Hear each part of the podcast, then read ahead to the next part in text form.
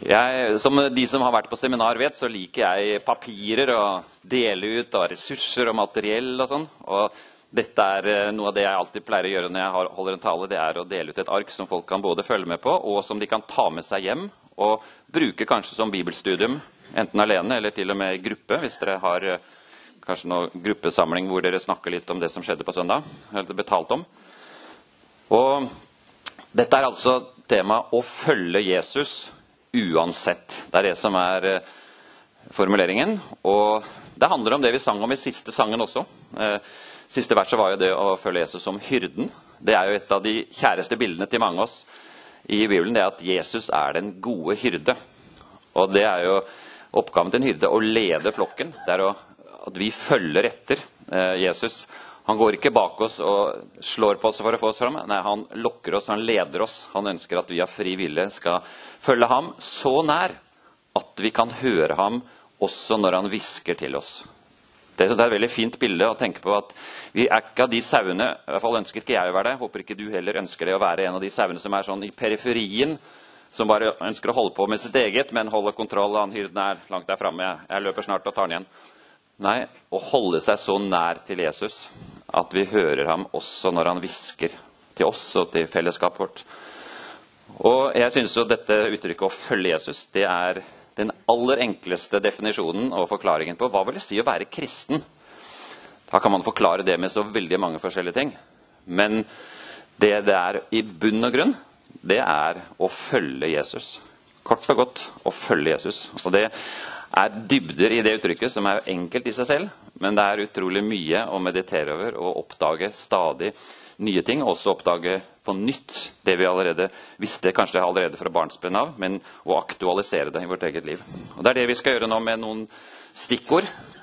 Hva det vil si å følge Jesus uansett. Og Selv så har jeg vært ansatt en god del år i Åpne dører, som sikkert de fleste av dere kjenner til. som er en stor internasjonal organisasjon, Open Doors International, hvor Åpne dører det er den norske avdelingen, som har arbeid blant forfulgte kristne i over 60 land. Og hvor eh, Åpne dører og vi som er med og støtter denne type arbeid, Stefanusalliansen også driver et flott arbeid med det samme, nemlig å støtte våre brødre og søstre som betaler en høy pris fordi de følger Jesus.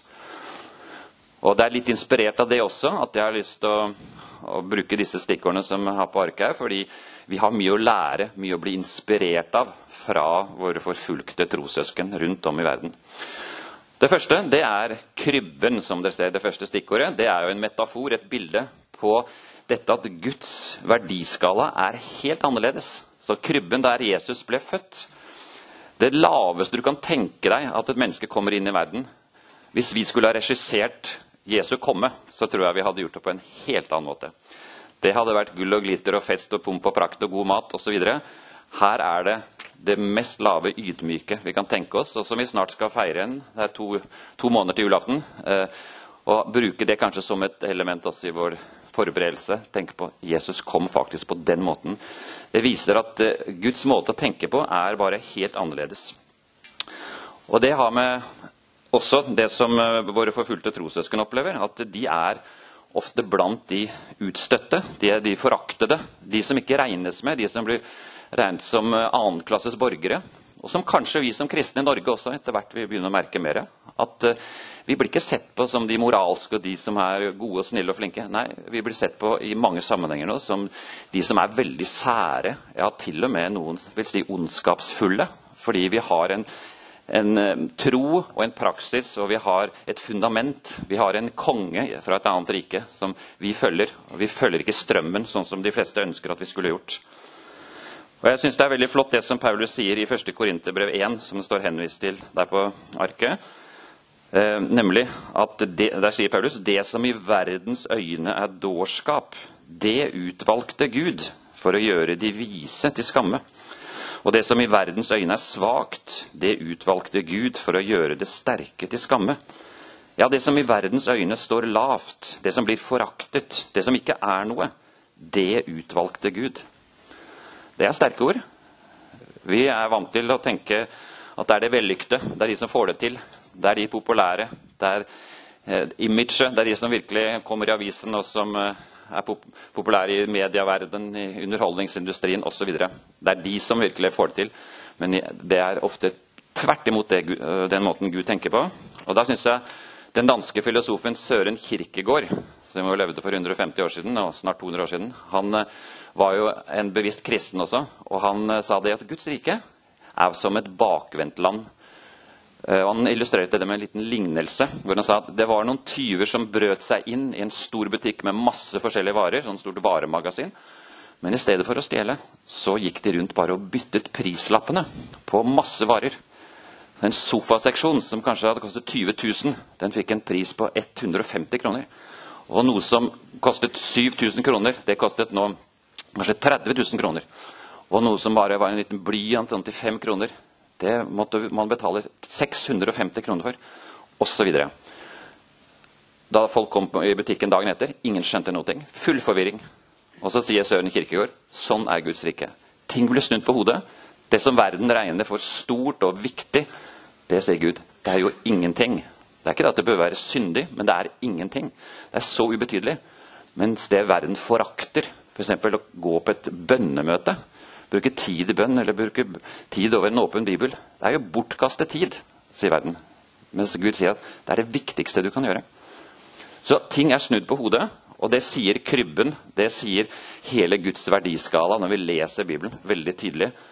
Og vi må realitetsorientere oss kanskje stadig vekk på ny, sånn at ikke tidsånden og den kulturelle luften som vi puster inn, at den får prege oss mer enn Den hellige ånd og det som Gud har for vårt liv.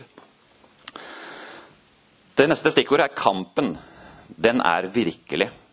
Det er ikke noe sånn vi bare forestiller oss og tenker at det er, det er egentlig noe som vi burde unngå.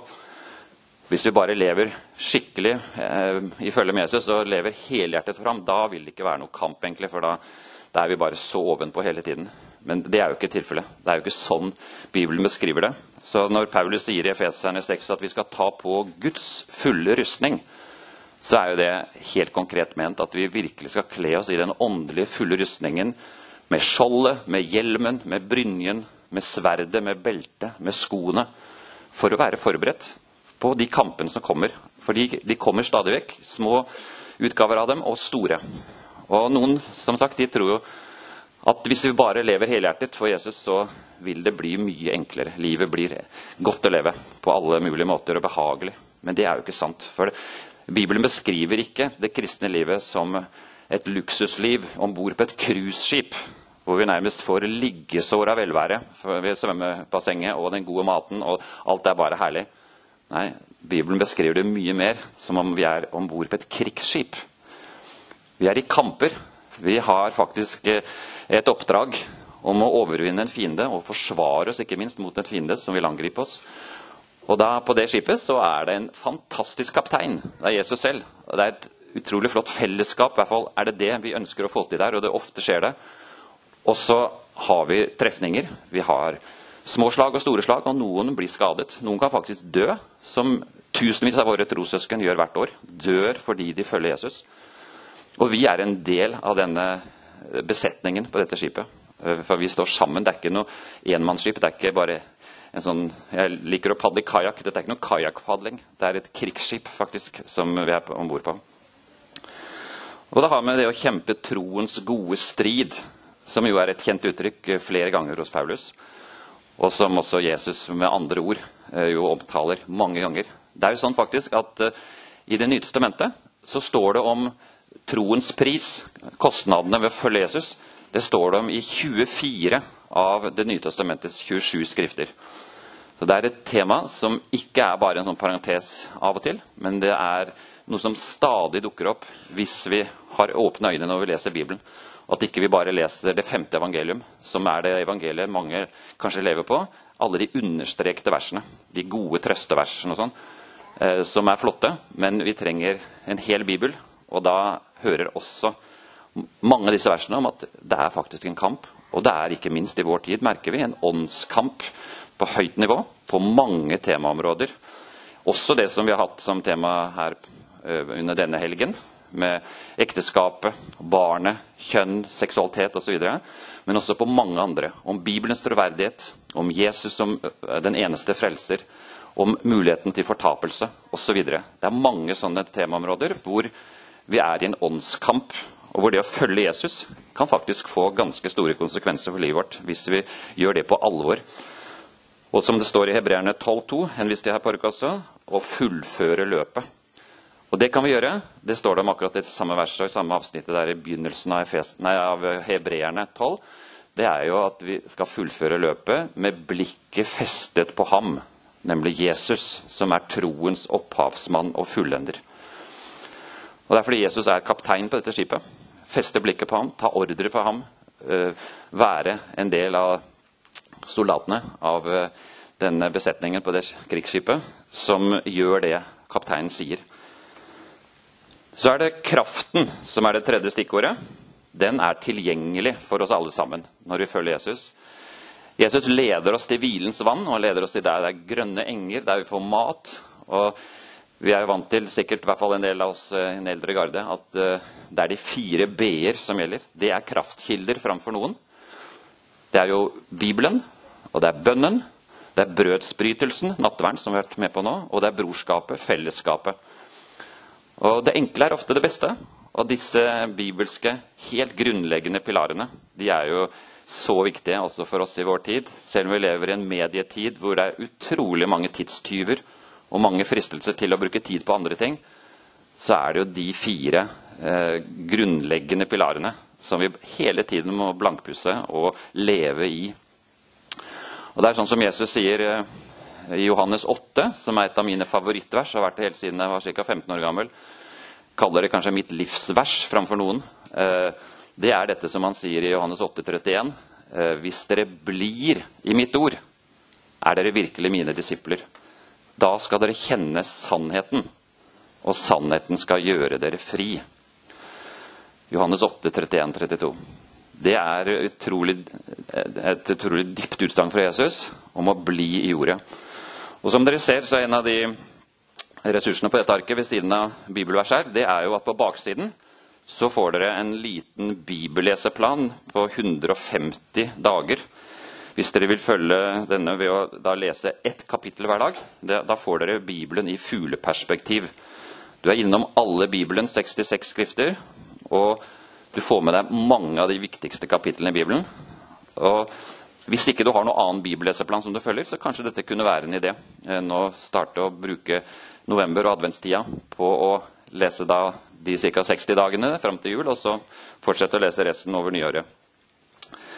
Dette er bare et lite forslag, men et eksempel på det å leve i ordet hvis dere blir i mitt ord.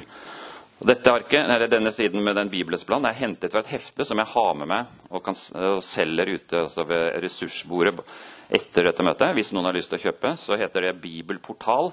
Med fullt av ressurser for å finne fram med Bibelen, oversikter over temaer, bibelleseplaner osv. Det koster 50 kroner per stykk, og tre stykk for 100 kroner. Hvis dere er interessert, så kommer jeg til å være bak der. Det er bare en liten ressurs blant mange mange andre for å trenge den i Bibelen, bli glad i Bibelen, bruke den. For det er ikke tvil om at det er i Bibelen vi først og fremst både møter Jesus og får den kraften som Gud har lovet oss. Og Jesus sa til disiplene, som noe av det aller siste han sa før han forlot den jorda, det var jo at dere skal få kraft når Den hellige ånd kommer over dere.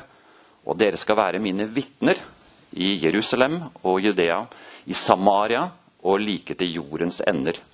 Og Det oppdraget er jo vi en del av. Det er jo så flott også her med misjonsprosjekt både for barna og for voksne. og Vi kan bruke av våre ressurser Eh, for å nå ut. Og underveis, enten det er å banke på dører, som vi sang om i sted, eller det er å snakke med naboene og venner og barn og barnebarn, det å få Guds kraft og visdom, eh, det er bare helt avgjørende. Og da husk på at ordet 'kraft' på gresk, som jo Nytestamentet er skrevet på, kraft, det heter 'dynamis' på gresk.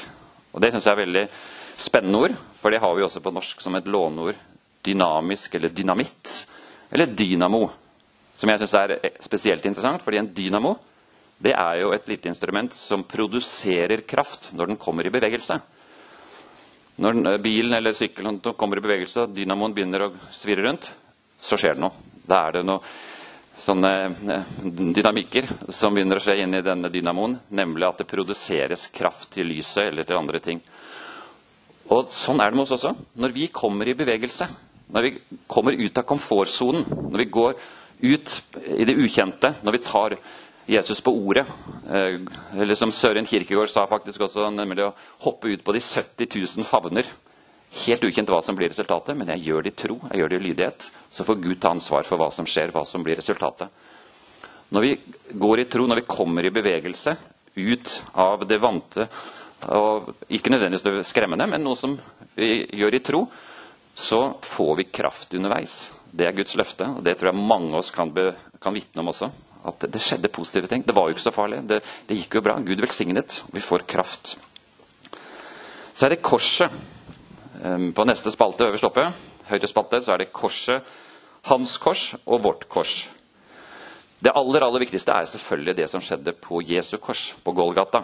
Det er jo verdenshistoriens viktigste og mest skjellsettende hendelse.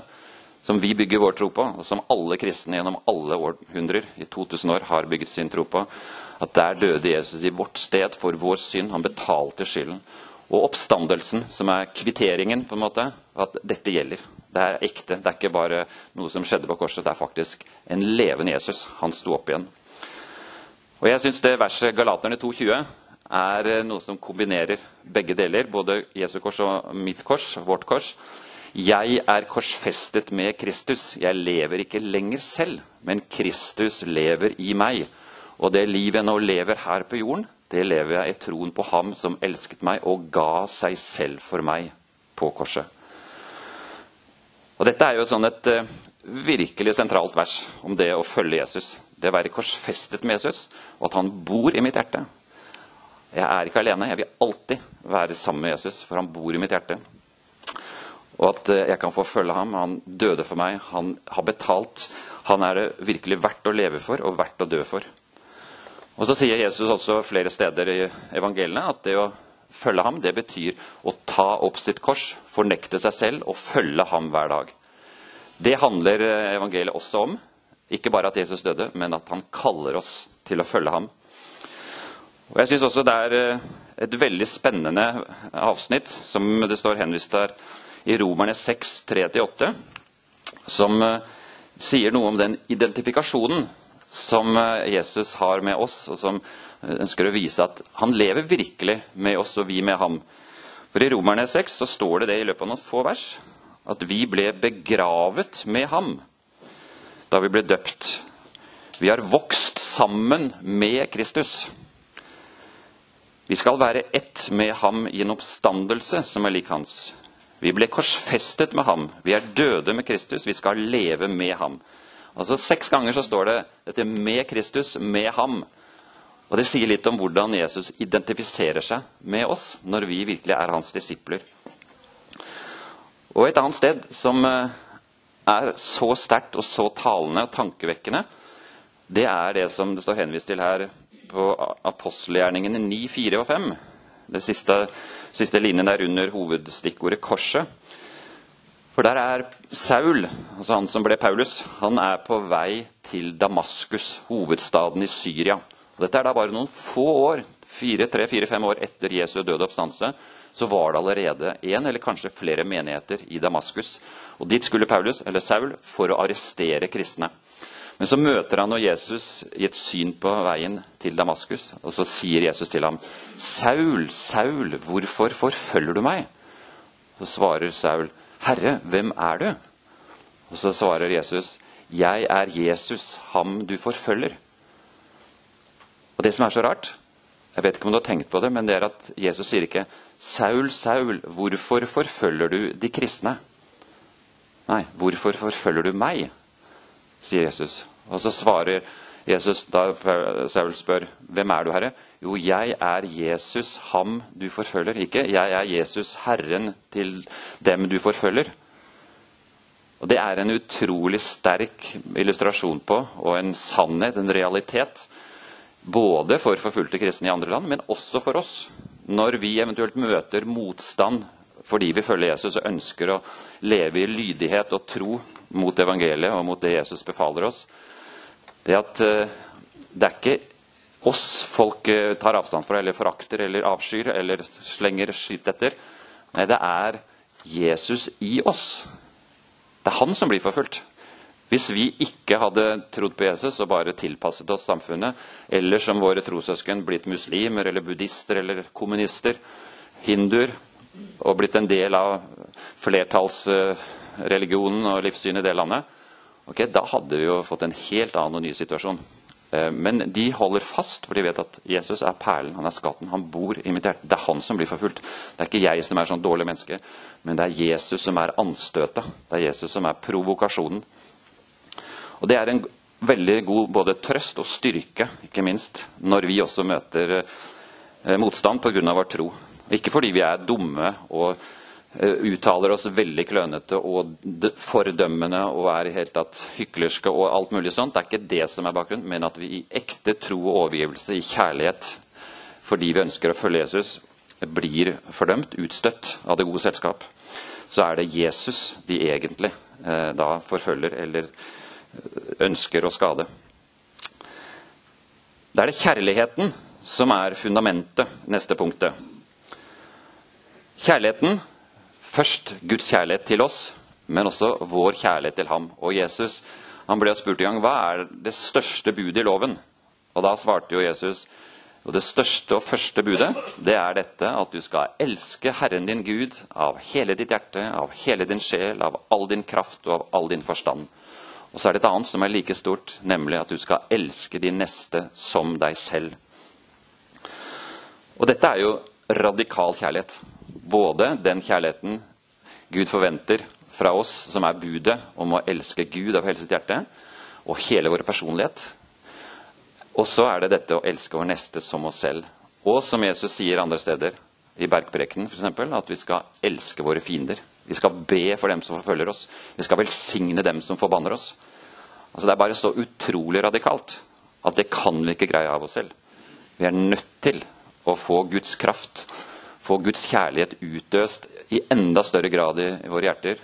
Og virkelig leve tett inntil Jesus for at det er han som preger oss.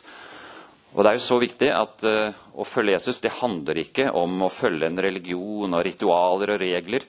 Nei, Å følge Jesus det handler om å ha en relasjon til Jesus. Det er ikke religion, men en relasjon. Og det er kjempeviktig hele tiden å huske på. Denne relasjonen ønsker jeg å utvikle. Den ønsker jeg å leve i. For jeg vet at det er der jeg finner livet, det er der jeg finner håpet, det er der jeg finner framtiden i Jesus. Og det er han som gir oss da også den kraften til til og med å elske dem som fordømmer og forakter oss.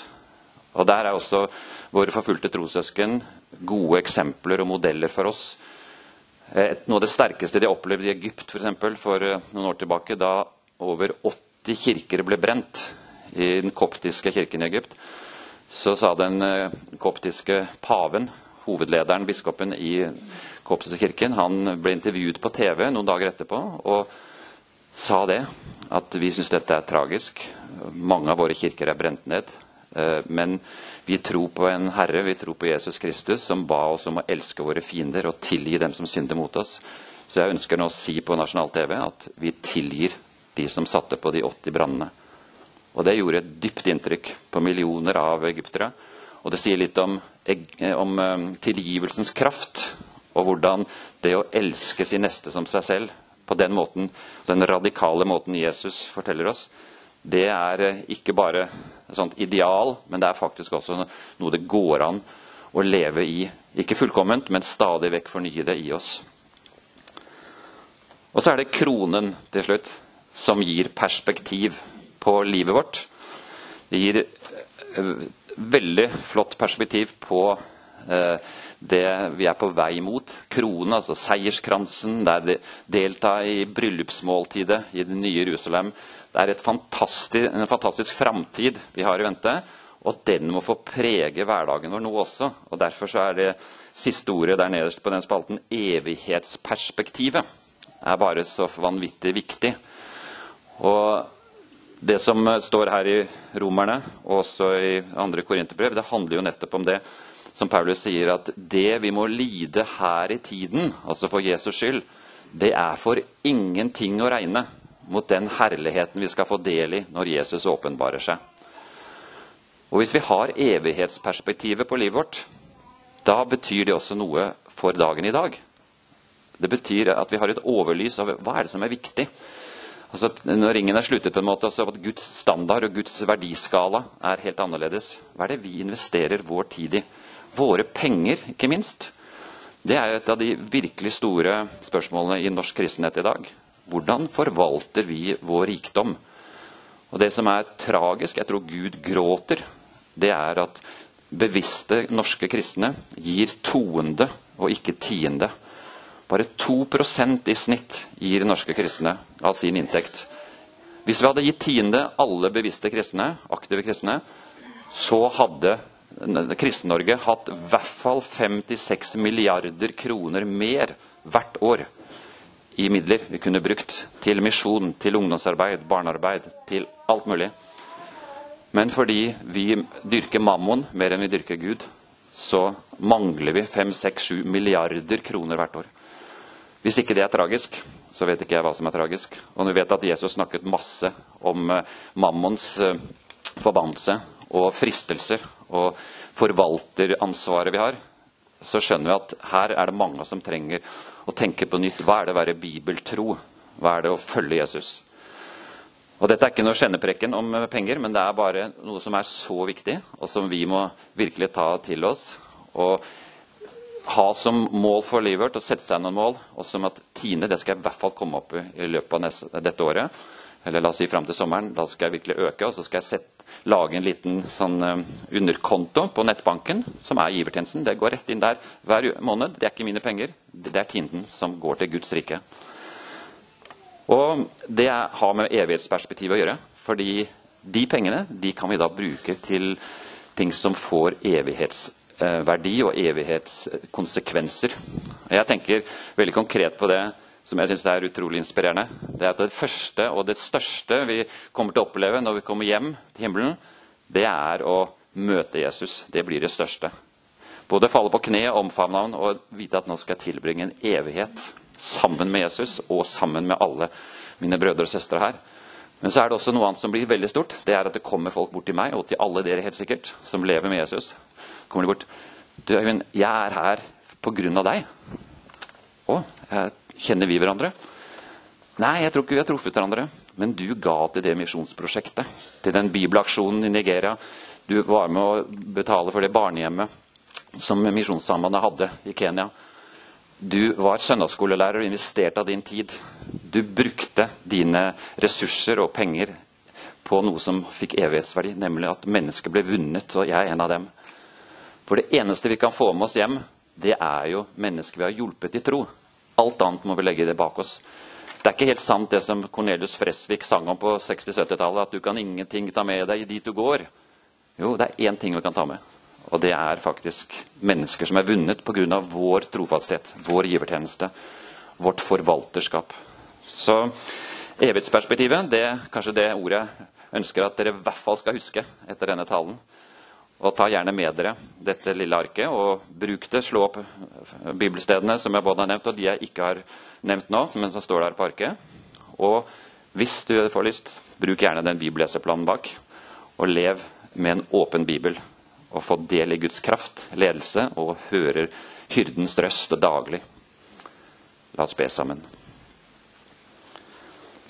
Jeg takker deg, Jesus, fordi det er sant det at du har kalt oss til å følge deg uansett.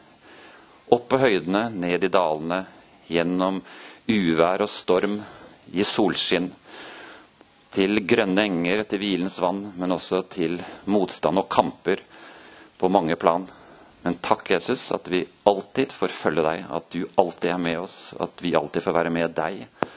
Og takk, Jesus, at du har lovet at du bor i vårt hjerte når vi tror på deg, når vi ønsker å, å være en av dine. Og takk, Jesus, fordi det er sant det som eh, Paulus sier, og som våre forfulgte trossøsken over hele verden bekjenner og tror på og bygger livet sitt på, at om vi lever, så lever vi for Herren. Om vi dør, så dør vi for Herren. Enten vi da lever eller dør, så hører vi Herren til. Amen.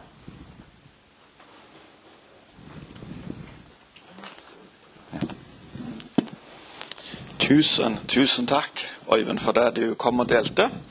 I dag så går selvsagt kollekten til Mor, far, barn-organisasjonen. Jeg skal si litt mer om det etterpå, men kan ikke du, Øyvind, si litt om organisasjonen? De som var i går, fikk et utrolig innblikk i hva du driver med. Men si litt først, for på dette punktet i programmet pleier vi alltid ha litt misjonsinformasjon. Men i dag er det Mor, far, barn. Ja, mange takk. Da fikk jeg beskjed om at jeg kunne vise noen få bilder her. Eh, noen viste i går, noen har ikke vist i går. Det er bare veldig veldig raskt, for dette skal bare vare fire-fem minutter. Men eh, Stiftelsen Mor, far, barn vi startet for eh, nesten 15 år siden. Og det som motiverer oss, og meg også veldig, det er noen stikkord. Som dere skjønner, så liker jeg bokstavrim, for nå kommer det flere ord på K. Eh, Så da er det kjærligheten til Guds ord, til våre medmennesker, kjærligheten til Guds skaperordninger. Det er ikke noe at vi ønsker å angripe mennesker i det hele tatt. Nei, det er en, en, en tjeneste som vi ønsker å gjøre ut fra kjærlighet til både ham vi tror på, og til våre medmennesker, til samfunnet. Så er det kallet om å gjøre det Jesus eh, har bedt oss om å gjøre, nemlig både å følge ham, men også å tenke på barna, familien, som noe av det viktigste, som er eh, cellen i samfunnet, kjernecellen. Så er det skjønne konsekvensene. Vi ønsker å spre informasjon og kunnskap, argumenter, eh, til den norske befolkning, og ikke minst til kristne. Og nå er det særlig frikirkeligheten og bedehusbevegelsen som vi investerer mest i for at de skal stå fast i det enorme, massive presset som nå kommer mot oss. Og så er det kunnskap. Det å virkelig gi kunnskap og redskaper for at eh, dette skal skje.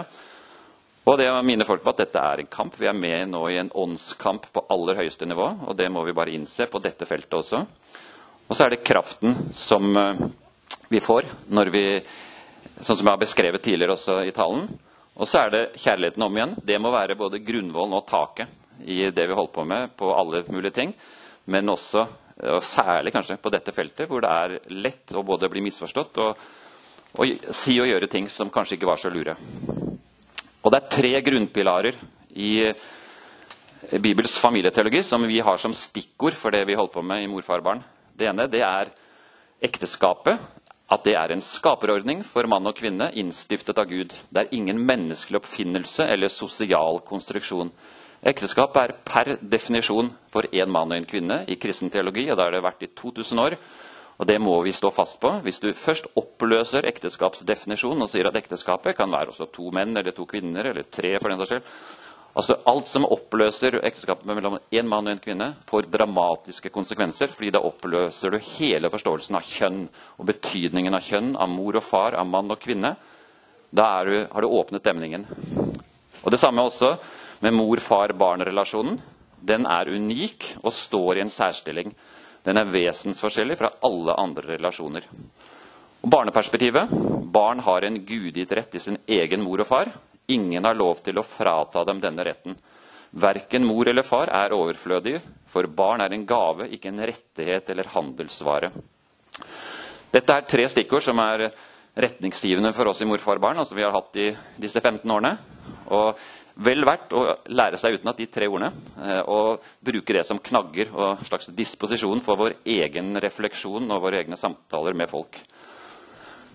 Og så er det jo veldig viktig for oss som kristne og i en forsamling som dette på Vigrestad misjonshus å være klar over at vranglære i samlivsteologien henger ofte sammen ja, med, her, med avvik i andre bibelske sannheter. Det er ikke det at liksom, man kan være ortodoks og konservativ og bibeltro i alle mulige ting, men akkurat der så svikter man. Det heller, henger veldig ofte sammen, nesten for alle, vil jeg si. Det henger sammen med bibelsynet. For et nytt bibelsyn det er ikke lenger at Bibelen er Guds ord, men Bibelen inneholder Guds ord bare. Så vi må liksom, siden den ikke er Guds ord, men finne hva er det som er Guds ord, og hva er det som ikke er det. Så det, det er et helt nytt bibelsyn om at Bibelen bare inneholder Guds ord. Og så er det apostlenes og Jesu autoritet. Det er spørsmål om evangelieforståelsen. Hva er egentlig evangeliet? Og teologien om synd og nåde. Helt grunnleggende stikkord. Og som også nå mange har en helt annen teologi enn de hadde før. Eller man hadde før, i hvert fall. Frelseslæren også. Går det an å gå fortapt? Eller går det ikke an? Eh, åpenbaringsteologien. Hvordan har Gud åpenbart seg, og hvordan gjør han det i dag? Er det gjennom Bibelen, eller er det gjennom erfaringen? Hva er det som er Guds åpenbaring? Kirkeforståelsen. Hvem er det som eh, utgjør Kirken? Hvem er det som bør ha stemmerett til å være med å bestemme i Kirken? og hele skapelsesteologien. Alt dette henger sammen med samlivsteologien. Så det er veldig overfladisk og naivt tror jeg, å tro det at uh, vi kan samarbeide med hvem som helst. Selv om de i ekteskapsteologien uh, avviker, så er de sikkert enige med oss i alt det andre. Men det, det er nok ikke sant i mange tilfeller. Der må i hvert fall begynne å snakke mer konkret også om de andre tingene.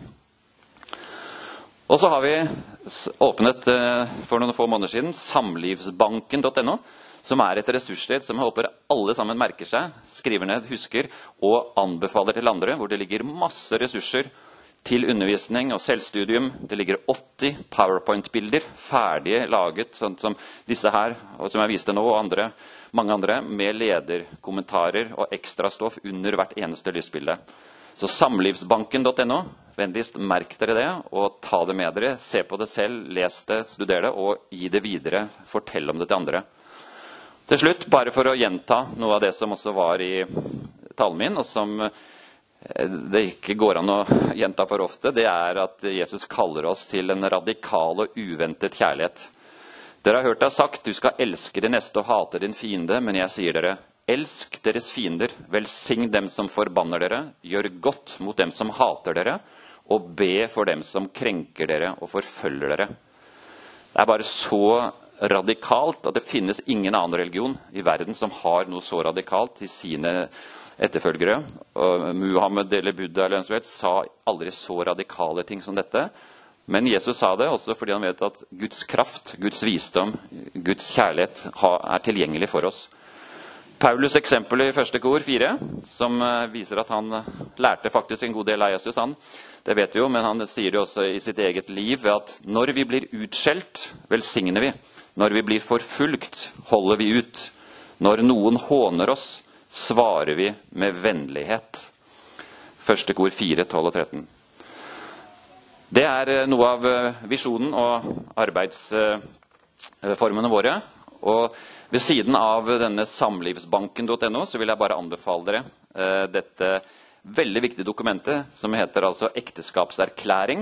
Og som IMF og NLM, altså Misjonssambandet, Indremisjonsforbundet og 34 andre kristne kirkesamfunn og organisasjoner står bak. Det ligger også gratis bak på dette ressursbordet, som er utgangen her.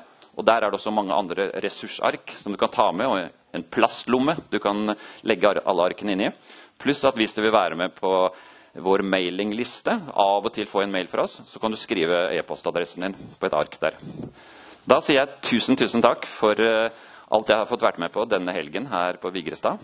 Og nå får Vigrestad i hvert fall en enda større plass i mitt hjerte, for å si det litt uh, poetisk.